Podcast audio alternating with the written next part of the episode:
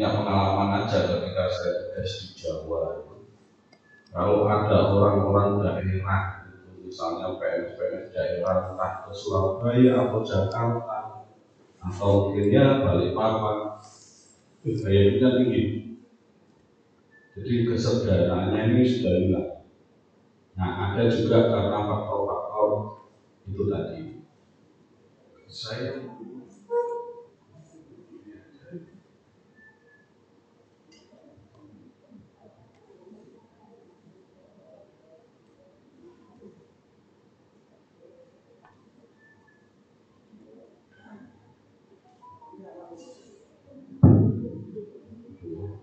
saya berdiri aja pak ya. Kalau saya ini perut saya mengganjal. Eh, perut saya mengganjal. Jadi apa ya kalau saya bilang tadi saya menyampaikan informasi aja nanti saya harap eh, ada semacam eh, kita lancar tanya jawabnya lancar tanya jawabnya Eh, kalau pertanyaan itu bisa saya jawab ya saya jawab. Kalau nggak bisa ya nggak bisa kalau saya bisa jawab kan kan sama saya ketika saya jadi murid saya tanya sama guru tapi heran saya. Kalau saya tanya sama guru bisa aja dijawab nggak tahu itu benar apa enggak nggak tahu juga saya. Dijawab aja sama guru. Dan itu saya yakini benar.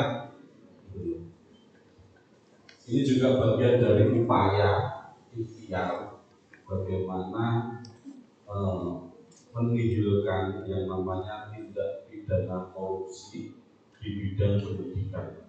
Ini upaya selain kita melakukan upaya represif dalam arti penegakan hukum yang eh, sempit, itu kan yang namanya penegakan yang sempit represif juga kita melakukan penyelidikan, penyidikan dan penuntutan tapi ini juga upaya preventif bagaimana kita mencegah agar tidak terjadi tindak pidana korupsi. Sama halnya ketika misalnya, mohon maaf di kota Tarakan ini perkara pidana yang paling besar adalah narkoba.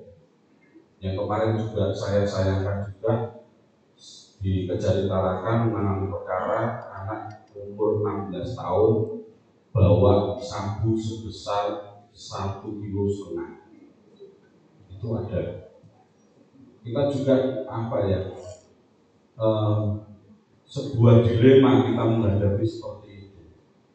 Saya baru tahu pengalaman saya jadi jaksa terang bapak ibu eh, ketika saya menangani perkara narkoba baru ditanakan inilah saya melihat sabu itu sudah kayak tepung dan beras. Jadi ukurannya satu kilo 5 kilo, 6 kilo. Nilainya itu apa ya? Kalau saya bilang satu gram itu itu dijual satu juta lima ratus satu gram. Kalau satu kilo berapa? satu ya. Satu miliar. Satu mil. Nah, dan saya sayangkan di Tarakan ini sangat besar peredarannya dan marak. Sekarang mulai bergeser pada anak-anak. Itu kalau sudah dewasa minimal sudah seumur hidup. Tapi ini yang kita hadapi anak usia 16 tahun. Mau dihukum seumur hidup. Dilaporin nanti ke Komnas Anak. Kalau nggak dihukum, dampak kalau satu setengah kilo itu tersebar seperti apa? Memang sebuah dilema dalam penegakan. Tikus-tikus kantor, ya. Apa sih korupsi itu? Saya sambil baca bu ya, Bapak Ibu. Saya kalau nggak baca ini nggak hafal juga saya. Nah inilah lucunya kalau kuliah hukum. Kalau ketika kita dulu sekolah SMP, SMA, jangan kuliah hukum. Hukum itu susah hafalan gitu. Pasti gitu. Menurut saya enggak, karena saya nggak pernah hafal. Saya sudah uh, sudah S2, sama sekali saya nggak hafal. Saya sudah 11 tahun di kejaksaan, jadi jaksa 11 tahun, saya sama sekali nggak hafal pasal-pasal. Makanya menurut saya kuliah yang paling mudah itu kuliah hukum, nonton TV aja bisa lulus. Yang paling susah itu teknik, ekonomi itu susah, kalau hukum itu paling enak. Kuliah sambil tiduran aja lulus. Jadi ketika kita bicara dengan tentang korupsi, kalau dari asal muasal bahasanya itu korupsi, korupus, artinya itu rusak, busuk, kejahatan, kebusukan dapat visual tidak bermola, kejahatan, ketidakjujuran, pokoknya yang jelek-jelek aja itu namanya korupsi. Kalau menurut hukum di Indonesia itu diatur dalam undang-undang. Ini aja gak hafal saya. Pak apa nomor undang-undangnya juga hafal saya di Undang-Undang Nomor 31 tahun 99 Judul 20 tahun 2001 lanjut mas. Ah ada tujuh bentuk tindak pidana yang dikategorikan eh, menjadi tindak pidana korupsi. Ada yang terkait kerugian keuangan negara. Misalnya kalau pernah dengar, setiap orang yang melawan hukum dan mengakibatkan kerugian keuangan negara itu disebut korupsi. Melawan hukum menyalahgunakan kewenangan. Itu dikatakan juga sebagai tidak pidana korupsi. Suap menyuap. Suap menyuap. Bukan kalau orang pacaran suap menyuap misalnya sekolah bapak saya periksa misalnya. Bapak ini pak. Biar saya tidak diperiksa. Nah seperti itu. Nah itu menyuap itu misalnya eh, ada anggaran. Dadak lah banyak istilah di masyarakat. Dan mungkin ini rahasia umum. Istilahnya dana dap itu kalau nggak dijolok nggak akan turun betul nggak itu betul ya? Ini memang kejadian. Saya mudah-mudahan di kota Tarakan ini tidak. Kalau di kabupaten lain ada itu. Saya kata kalau kota Tarakan ini tidak ada. Itu dijolok. Jadi kita ngasih ke atas biar ada dan adatnya itu juga tidak pidana korupsi. Terus apa lagi nah kan nggak kelihatan ya kan penggelapan dalam jabatan ini biasanya eh, dilakukan misalnya bendahara yang paling banyak kwitansi kwitansi nota-nota itu bisa jadi bendara itu saya ibaratkan kayak pengusaha. Saya pernah kejadian itu, saya pernah melakukan penyidikan. Ini saya masih di Jawa waktu itu. Setelah melakukan terus saya melakukan penggeledahan di ruang bendara. Saya kaget, ternyata bendaranya ini seorang pengusaha. Karena begitu langsungnya saya buka, ada stempel toko buku, ada stempel rental mobil, ada stempel catering, Wah, banyak betul saja kendala itu yang terjadi. Saya yakin di kota Tarakan tidak ada itu, ada itu. Jujur-jujur kalau kota Tarakan itu, saya yakin. Tapi ketahuan, ketahuan, hal-hal itu ketahuan. Karena kalau BPK BPKB cenderung itu biasanya pemeriksaannya, nggak semua sih, nggak semua itu kalau dilihat nota dan kwitansi sudah selesai tanpa tahu itu nota itu sebenarnya palsu atau tidak. Pokoknya ada stempelnya sudah selesai. Tapi nggak tahu bendara ini punya toko banyak pengusaha bendaranya ini. Saya juga pernah di bendara oh ya waktu saya dinas di Kutai Timur saya ingat. Pantas memang bendaranya ini kalah-kalah bupati ternyata gitu permainannya semua ada di kota-kota apa? Sampel-sampel itu. Ketahuan juga ada yang terus kemudian perbuatan curang. Ya sama curang itu juga ya kayak manipulasi nota. Itu sudah bisa. Terus kemudian eh, pemerasan. Ini pemerasan sering terjadi. Pemerasan sering terjadi. Saya pernah waktu saya di Mojokerto eh, menangani perkara itu MMI kalau nggak salah itu di Kemenak MI. Jadi guru-guru honor itu harus kan ada kayak honor-honor tiap bulan ya, tapi cairnya tiga bulan sekali kalau nggak salah itu. Kepala sekolahnya yang minta, kalau nggak dikasih, nggak dicairkan di honor ini. Ada yang kayak gitu. Nyata-nyata itu ada. Jadi ini tapi dilakukan berjamaah gitu. Kepala sekolahnya juga minta. Apa itu kalau di tingkat kabupaten kota itu apa kantor kemenang kan? Nah kantor kemenangnya juga minta. Jadi berjamaah minta dari honor-honor nanti dibagi antara kepala sekolah dengan apa kantor kemenangnya itu ada juga pemerasan seperti itu. Dan itu berjalan sekitar enam tahun. Mungkin akhirnya honor-honor ini jenuh kali ya. Udah honornya dikit diminta lagi dipotong lagi. Karena satu bulan itu kalau nggak salah cuma 200 sampai 300 luar itu dipotong mas Bayangin, guru honor dipotong. Ini guru honor ini hari-hari disuruh makan kenyang malah gimana? Kan sadis banget kejadian seperti ini. Benturan kepentingan, benturan kepentingan itu biasanya di pengadaan dan jasa. Misalnya, kalau di sekolah ada nggak pengadaan barang dan jasa? Ada ya, misalnya Oh pakai tokonya. Siapa? Si A, si B, si C. Yang sudah dikenal. Benturan kepentingan juga. Lanjut mas. Nah kalau kita tanya penyebab korupsi. Ada yang terpaksa karena kebutuhan.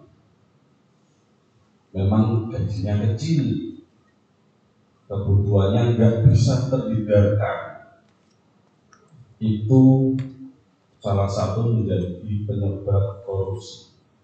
Yang kedua memaksa karena keserakahan.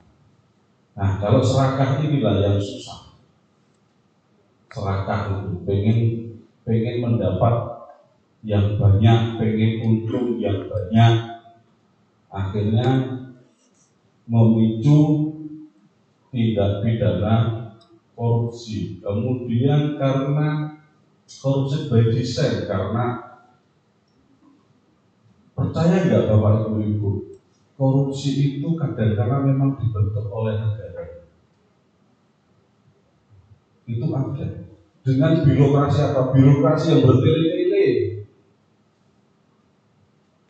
dikit acak apa mau ada kegiatan apa izin kegiatan apa izin izin itu kan semacam apa ya kalau saya bilang ya?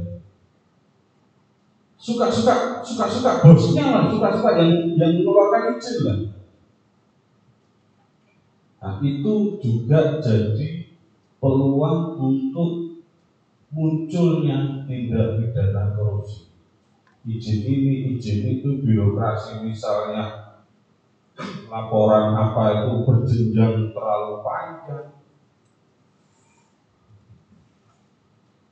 Yang misalnya kayak inilah, misalnya eh, kalau potensi misalnya di kejaksaan misalnya eh, pengambilan tilang misalnya.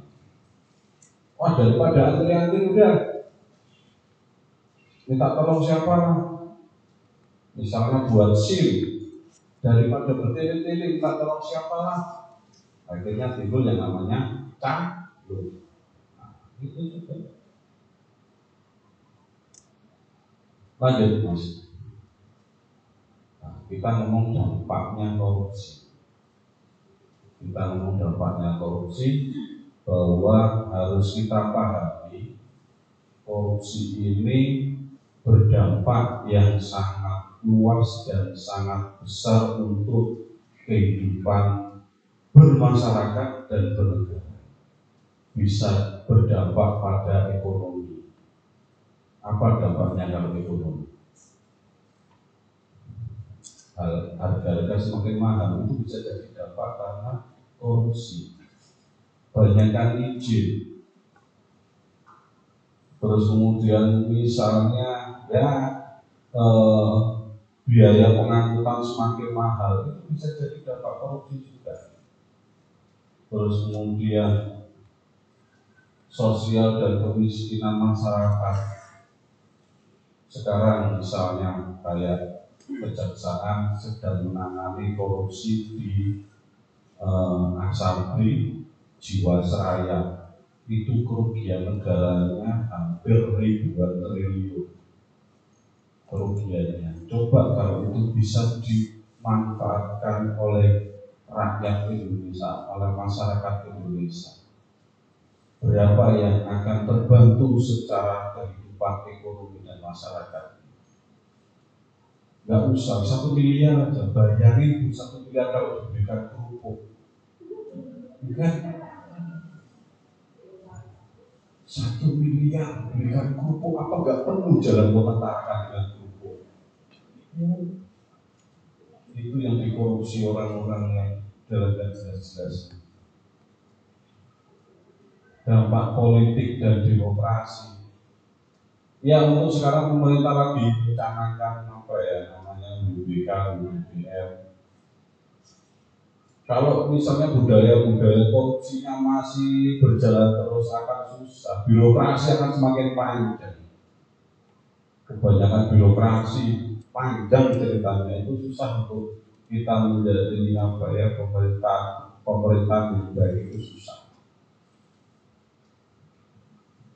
Apalagi terhadap penegak hukum. Misalnya kalau polisi, jaksa, hakim gampang disuap kalau mau coba suap saya pakai rawon lagi. Nah, kalau misalnya aparat penegak hukum masih juga gampang disuap bagaimana terhadap pengenaan hukuman, ya itulah akan apa ya akan selalu muncul istilah tajam ke bawah tumpul ke atas itu akibatnya kalau aparat penegak hukumnya masih juga gampang di suap.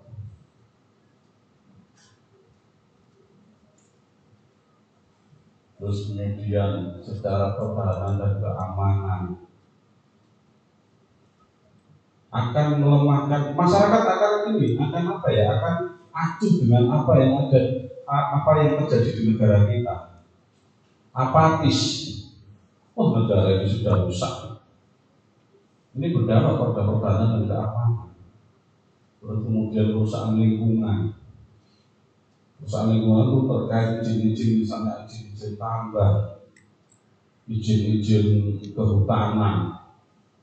Kalau masih terjadi korupsi, rusak lingkungan. Seperti terjadi yang di Kalimantan ini, hutannya udah lanjut mas nah kita masuk ketika kita bicara bidang pendidikan ada namanya dana bos nggak usah baca bapak ibu sudah paham dana bos itu apa tapi kayak baca aja bu ya dana yang digunakan terutama untuk mendanai belanja non personalia bagi satuan pendidikan dasar dan menengah sebagai pelaksana program wajib belajar dan dapat dimungkinkan untuk mendanai beberapa kegiatan lain sesuai dengan ketentuan peraturan. Definisi ini saya ambil dari pasal 1 angka 1 Permendikbud RI nomor 6 tahun 2021. Sudah dibaca nggak ya? Kira-kira ya? Apa cuma kalau dikasih ditaruh aja dibaca lah? Saya baru baca ini satu minggu yang lalu baru salah. Lanjut mas. Sudah apa bu? Untuk apa saja dana bos?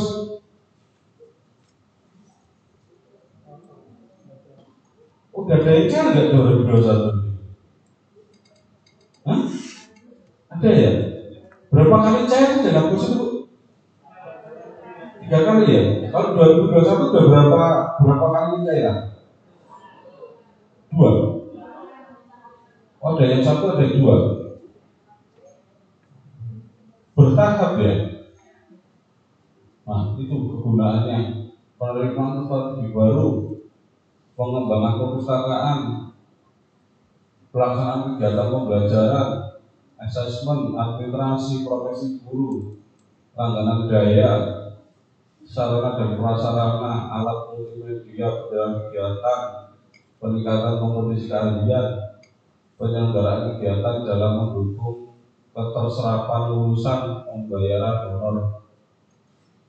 Honor itu yang aturannya bisa maksimal 50% itu ya bisa naik lagi kalau dalam keadaan berencana tapi melalui uh, surat keputusan dari kepala daerah. Saya yakin di Tarakan ini sebenarnya saya ngomong ini nggak penting-penting juga Pak.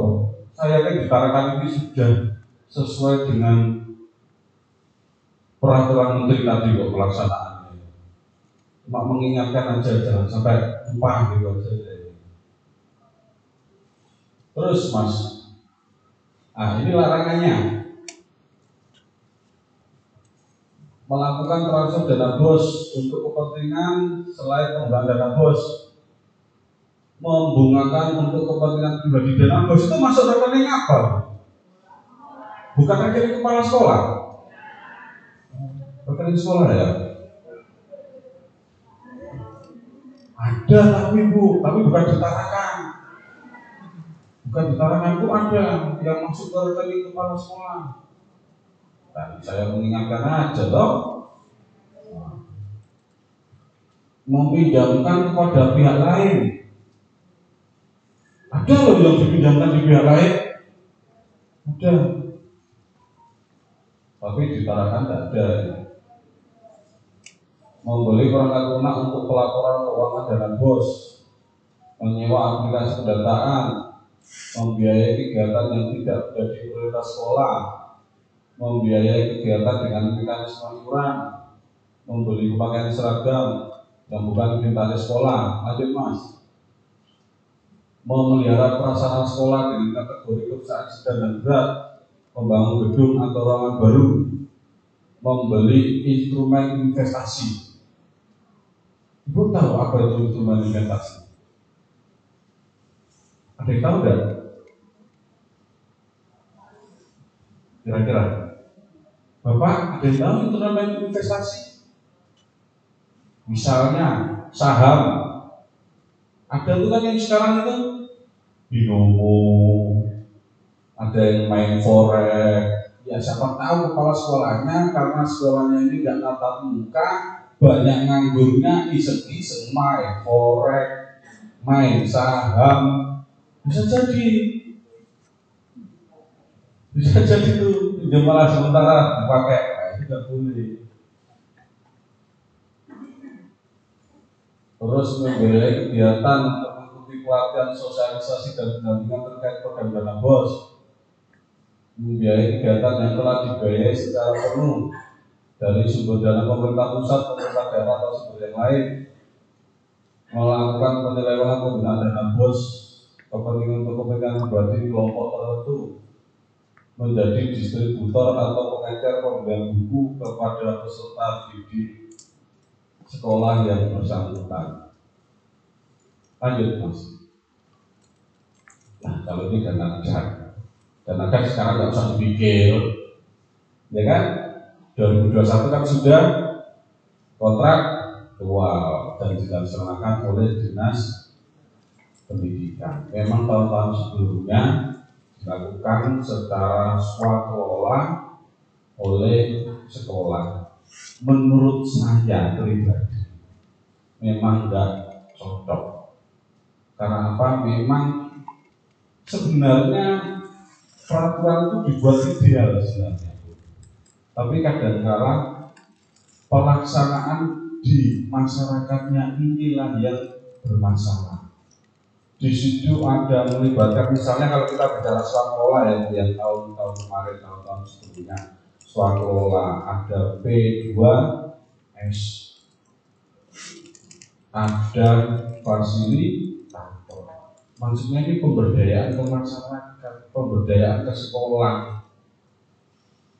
Kan ada misalnya orang tua orang tua siswa, misalnya yang uh, punya keahlian bangunan, nah, ini bisa diberdayakan. Tujuannya seperti itu sebenarnya. Tapi pada pelaksanaannya akan sering membingungkan kepala sekolah. Saya pernah dulu, kebetulan saya tahun 2020 itu sebagai kepala seksi perdata di Kabupaten Luwu Timur di Sulawesi Selatan. Saya mendampingi pelaksanaan dan ajak swakelola. Kebetulan waktu itu SMA. Saya komunikasi sama kepala sekolahnya dan kan jaraknya jauh antara kantor dengan sekolah itu dibangun. Saya minta tolong Pak Kepala Sekolah, tolong saya dikirimkan progres pembangunan sekolah itu berapa persen. Enggak tahu. Ya saya maklumi memang. Nah inilah fungsi fasilitatornya yang nggak berguna. Dan bingung juga kepala sekolah ini. Bagaimana kepala sekolah, seorang kepala sekolah bisa bertindak sebagai kontraktor juga kan bingung kepala sekolah. Gak ada kerjaan aja. Kasihan kepala sekolah itu. Akhirnya di tahun 2021 entah pertimbangannya apa. Kalau saya baca sih eh, pertimbangannya daripada membebani pekerjaan kepala sekolah yang sudah berat. Akhirnya di kontrak kualitas itu 2020 nggak usah dibikin. Cuma saran saya tetap karena eh, bapak ibu yang menempati sekolah itu kalau ada dan ada dari pemerintah kota minta tolong untuk dipantau juga. Kasih masukan. Karena pekerjaan itu kalau banyak masukan banyak yang mengawasi saya yakin sebuah pekerjaan itu akan benar sekarang misalnya kayak udah ada bos saya ini juga eh, pengalaman waktu saya di, eh, di Mojokerto itu mendorong seorang kepala desa untuk mengumumkan anggaran belanja pemerintah desa itu di salah cara Saya mendorong itu. Saya juga berada di sini uh, dari teman-teman kepala sekolah bisa mengumumkan penggunaan dana bosnya. Bisa lewat medsos, bisa lewat misalnya tempelan besar di sekolah, Udah ada yang pernah gitu enggak? Saya harap bisa itu e, dilaksanakan sehingga eh, prinsip-prinsip pengelolaan keuangan, pengelolaan dana bos itu bisa tercapai transparan. Kalau kita transparan, nggak ada yang ditutup-tutupi, tidak ada masalah. Kalau ada yang ditutup-tutupi, ya akan apa ya? Akan banyak timbul pertanyaan. Kalau dari komite sekolah tahu si apa orang tua siswa tahu dari dinasnya juga tahu masyarakat secara umum tahu itu akan enak. Dan kita kita ini kalau kerja dengan banyak diawasi kerja kita kan harus hati-hati. Nah itu yang saya harapkan. Lanjut mas Nah ini yang saya katakan tadi sekarang untuk 2021 dan ada melalui kontraktual dan dilaksanakan oleh dinas pendidikan. Lanjut. Nah kita bicara titik rawan kita bicara titik rawan di dalam dana bos itu berpotensi pada satu tidak sesuai dengan peruntukannya. Solusinya apa? Dibaca itu peraturannya, permen nomor berapa tadi lima ya? Untuk dana bos. Kalau tidak tahu tanya pada yang lebih tahu. Jangan sampai nanti dalam penggunaan e, dananya itu tidak sesuai dengan peruntukannya. Itu rawannya dalam perencanaan kan sudah ada rambu-rambunya oh untuk misalnya uh, apa tadi uh, yang ya, penerimaan murid baru untuk pembayaran daya tadi. Terus uh, yang paling potensi paling banyak adalah manipulasi laporan. Ya tadi yang saya sebutkan kwitansi nota. Itu yang paling banyak.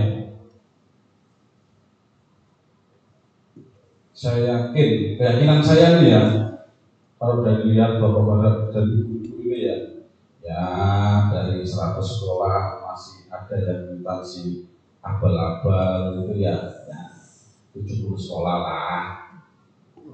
Ditarakan ini. Nah itu diperbaiki. Jangan sampai ada eh, apa namanya perbuatan-perbuatan seperti, seperti itu. Yang paling banyak itu karena itu apa tadi sudah disebutkan yang saya sebutkan tadi itu merupakan tidak pidana korupsi. Penggelapannya dapat menyalahgunakan kewenangan misalnya yang melakukan itu bendahara dan kepala sekolah. Udah misalnya kwitansi yang 100 ribu udah dikasih aja 150 ribu.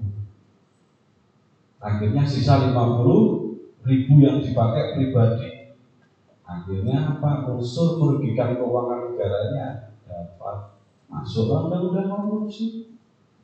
Ketemulah saya.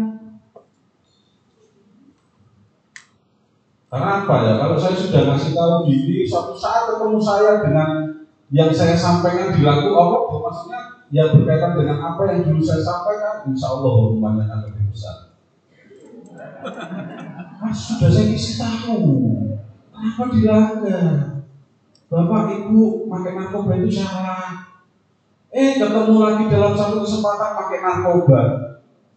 Ya namanya kan gergetan juga dong itu potensi yang paling banyak itu adalah penggunaan dana bos tidak sesuai dengan peruntukannya sama kalau modusnya itu banyak yang manipulasi nota dan kwitansi itu yang paling banyak. Terus kemudian uh, ada juga yang saya harapkan di Tarakan ini tidak ada Ada oknum-oknum yang mohon maaf Mas ya, oknum-oknum dari dinas yang suka mengelitikin kepala sekolah-sekolah ini. Ya bagi-bagilah bosnya. Itu biasanya banyak terjadi seperti kadang-kala apa ya semacam itu biasa dilakukan. Biasa dilakukan. Tapi itulah nanti sebagai langkah awal rusaknya moral negara ini hal, -hal seperti itu. Kalau bahasa Jawanya itu kebanyakan pakai wudhu kalau nggak tahu bahasa Indonesia apa ya pakai wudhu bahkan kebanyakan pakaimu nggak enak sama orang. Nah, sungkan. Nah, hal-hal seperti itu budaya-budaya seperti itu akan merusak merusak merusak tatanan yang baik terus misalnya nah itu kan tidak transparan markup markup ya tadi yang harusnya 100 ribu dibikin 150 Simpel kok saya itu menilai misalnya menilai sebuah pekerjaan. Kan ada ram ini Pak ya. Ada ram misalnya untuk bangun apa lah misalnya. Bangun WC lah atau toilet lah. Ram. Kalau ram sama LPG-nya sama, plek nol-nolnya di belakang itu sama. Sudah saya bilang, ini ada potensi korupsi. Itu kejadian. itu ada potensi seperti karena tidak akan pernah sama rak dengan pelaksanaannya itu tidak akan pernah sama saya aja yang pakai uang saya sendiri saya rap saya bikin rumah pak saya rapkan itu 200 juta jatuhnya 300 juta kok Padahal ngomong saya sendiri itu. Dan ini yang negara. Raknya 100 juta, plek 100 juta, sama persis 100 juta lah. Double-double. Pasti ketemu, pasti ketemu. Curangnya di mana pasti ketemu. Karena tidak ada pernah sama, ada perbedaan pasti. Terus kemudian, nah laporan fiktif. Awalnya apa? Tidak transparan. Sudah kalau kesalahan-kesalahan administrasi itu gak masalah. Asal tidak sampai pada merugikan keuangan negara. Lanjut, Mas. Nah, saya ingin mendorong berbicara dari hati ke hati Bapak Ibu bagaimana sih budaya-budaya yang uh, harus dilaksanakan untuk kita tidak terjebak pada sebuah perilaku koruptif. Karena kepala sekolah yang nanti disampaikan dengan bendaharanya ini jabatan-jabatan yang mempunyai kekuasaan dalam pengelolaan keuangan ada juga dana bos itu bendahara nggak tahu ada juga ada juga jadi semua semua kepala sekolah. Bahkan bendara itu tidak tahu laporannya. Mungkin hanya tahu ketika dia ngambil di bank aja. Kalau ngambil dana bos, kepala sekolah aja atau sama bendara? Bendara aja ya. Ada juga yang setelah ditarik uangnya dikasihkan ke kepala sekolah. Ada seperti itu. Ini kan Nah, makanya itu kita berbicara untuk membangun budaya korupsi, kita mulai perbaikan sistem. Kira-kira di sekolah-sekolah Bapak dibuat tidak SOP tentang bagaimana pengambilan uang, bagaimana penyampaian laporan, bagaimana eh, peran-peran dari para pihak yang berkaitan dengan bos baik kepala sekolah, bendahara maupun komite sekolah sekaligus laporannya seperti apa. Ini sistem misalnya yang dulu-dulu coba dibangun ulang lagi. Ada SOP yang dibicarakan semua uh, stakeholder dalam pelaksanaan penggunaan dana bos. Karena SOP ini adalah salah satu upaya ikhtiar kita bagaimana kita mencegah terjadinya uh, tidak pidana korupsi. Misalnya dalam pembelanjaan, nota itu langsung dipegang atau dilampirkan atau kadang-kadang kan ada yang ditunda, tunda, tunda, notanya hilang, akhirnya bikin apa ada yang seperti itu, apakah langsung dibukukan ketika ada pembelian? Nah, hal-hal semacam itu perlu kita pikirkan bersama bagaimana kita merubah sebuah sistem yang buruk menjadi yang perubahan perilaku. Saya tidak bicara nilai lah, nilai anti korupsi, nilai kejujuran. Saya yakin Bapak Ibu guru ini sudah sangat paham. Saya hanya mengingatkan saja. Karena falsafah. Tapi kepala sekolah kan guru juga kan? Ya Bu ya. Falsafah guru ini kan digugulan ditiru. Dan falsafahnya tinggi. Saya nggak berani ngomong nilai ini. Tahu takut kalah ilmu saya. Saya cuma mengingatkan aja. Termasuk juga pembangunan budaya tentang pendidikan, pengetahuan. Nah, seperti ini kan pengetahuan. Oh, ternyata membuat nota kwitansi palsu itu pelanggar oh, misalnya. Ya mungkin ada yang enggak tahu. Lanjut, Mas.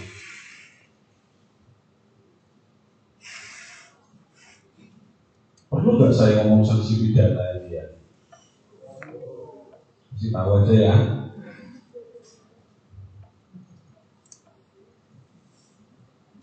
Pasal 2 yang tadi berkaitan tentang melawan hukum dan merugikan keuangan negara.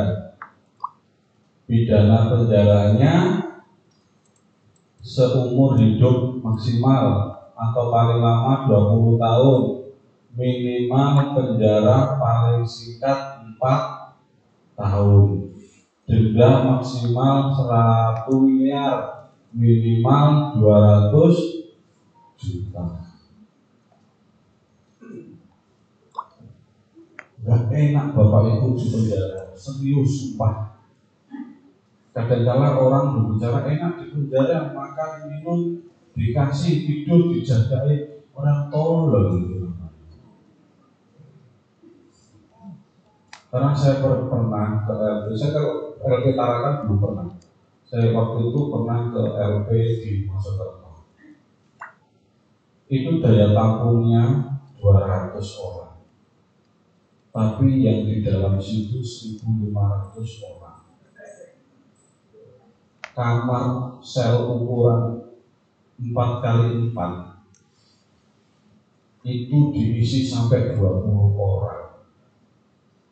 Makan itu cuma nasi sama tempe godokan tidak enak. Nah, ini bicara ancaman ya, jangan sampai terjadi. Cuma ancaman aja.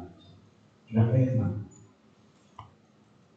Jangan kadang-kadang karena keangkuhan kita, kita tidak mau diikuti sama orang, keangkuhan kita tidak tahu, akhirnya itu melanggar hukum, dikasih tahu tidak mau tahu, berakhir seperti ini kan tidak enak. Terus lanjut Mas. Kalau pasal 3 ini penyambungan kewenangan maksimal penjara seumur hidup paling singkat satu tahun dan denda 50 juta dan paling banyak satu miliar. Langsung lanjut Mas. Aku jago ngomong, udah pokoknya kalau korupsi di di di dipidana lah. Itu pasal 8 ancamannya berapa ya? Paling singkat 3 tahun. Dan paling lama 15 tahun ini untuk menggelapkan surat berharga disimpan karena jabatannya membiarkan uang atau surat berharga diambil atau digelapkan oleh orang lain atau membantu dalam melakukan perbuatan tersebut darah biasanya Biasanya berdarah dalam pasal pasal apa ini. Lanjut mas. Ini juga biasanya dilakukan oleh bendara memasukkan buku-buku atau data yang khusus untuk dibuat pemeriksaan administrasi. Memasukkan buku dan laporan itu juga tidak pidana korupsi. Lanjut mas. Pidana tambahan Maksudnya pidana tambahan itu adalah perampasan barang bergerak. Misalnya begini, ternyata dalam proses penyidikan dan penuntutan ditemukan kerugian negara sebesar 500 juta. Itu kita eh, aparat penegak hukum akan melakukan penyitaan terhadap harta benda bapak secara pribadi. Itu pidana tambahan. Jadi karena semangat tindak pidana korupsi untuk pelakunya ini adalah dimiskinkan. Bagaimana membuat miskin seorang pelaku tindak pidana korupsi. Lanjut mas. Nah, sama dengan itu membayar uang pengganti jumlahnya sebanyak sama dengan harta benda yang diperoleh dari tindak pidana korupsi. Kalau misalnya tidak benar dari pada 100 juta, 200 juta ini hartanya sebesar itu yang dilakukan kita harus kembalikan. Lanjut. Nah, kita berakhir di kesimpulan bagaimana strategi pencegahan korupsi itu pertama adalah pengetahuan kita tentang apa itu korupsi terus kemudian hal-hal yang kita jalankan setiap hari tugas-tugas kita kita perhatikan dengan kita memperbaiki sistem yang seperti saya sebutkan coba dibuat SOP tentang bagaimana kita bertugas, bagaimana kita me- apa ya, melakukan eh, pengelolaan dana bos dibuatkan SOP untuk sekolah masing-masing agar tercipta transparansi, kejujuran itu eh, bisa meminimalisir apa yang namanya eh, tindak pidana korupsi termasuk juga misalnya mengumumkan baik di media sosial atau di eh, di sekolahnya tentang eh, bagaimana penggunaan dana bos di sekolah masing-masing. Saya berharap itu, saya berharap ketika itu sudah diumumkan masyarakat tahu kita akan lebih hati-hati dalam penggunaannya. Terus kemudian bagaimana kita berperilaku berperilaku misalnya ya budaya-budaya sungkan, budaya-budaya serakah, nilai mana yang baik, mana yang buruk, itu juga berpengaruh pada eh, bagaimana kita menyikapi sebuah kegiatan kita, sebuah pekerjaan kita yang tidak berakhir pada terjadinya tindak pidana korupsi itu yang bisa saya sampaikan secara garis besar.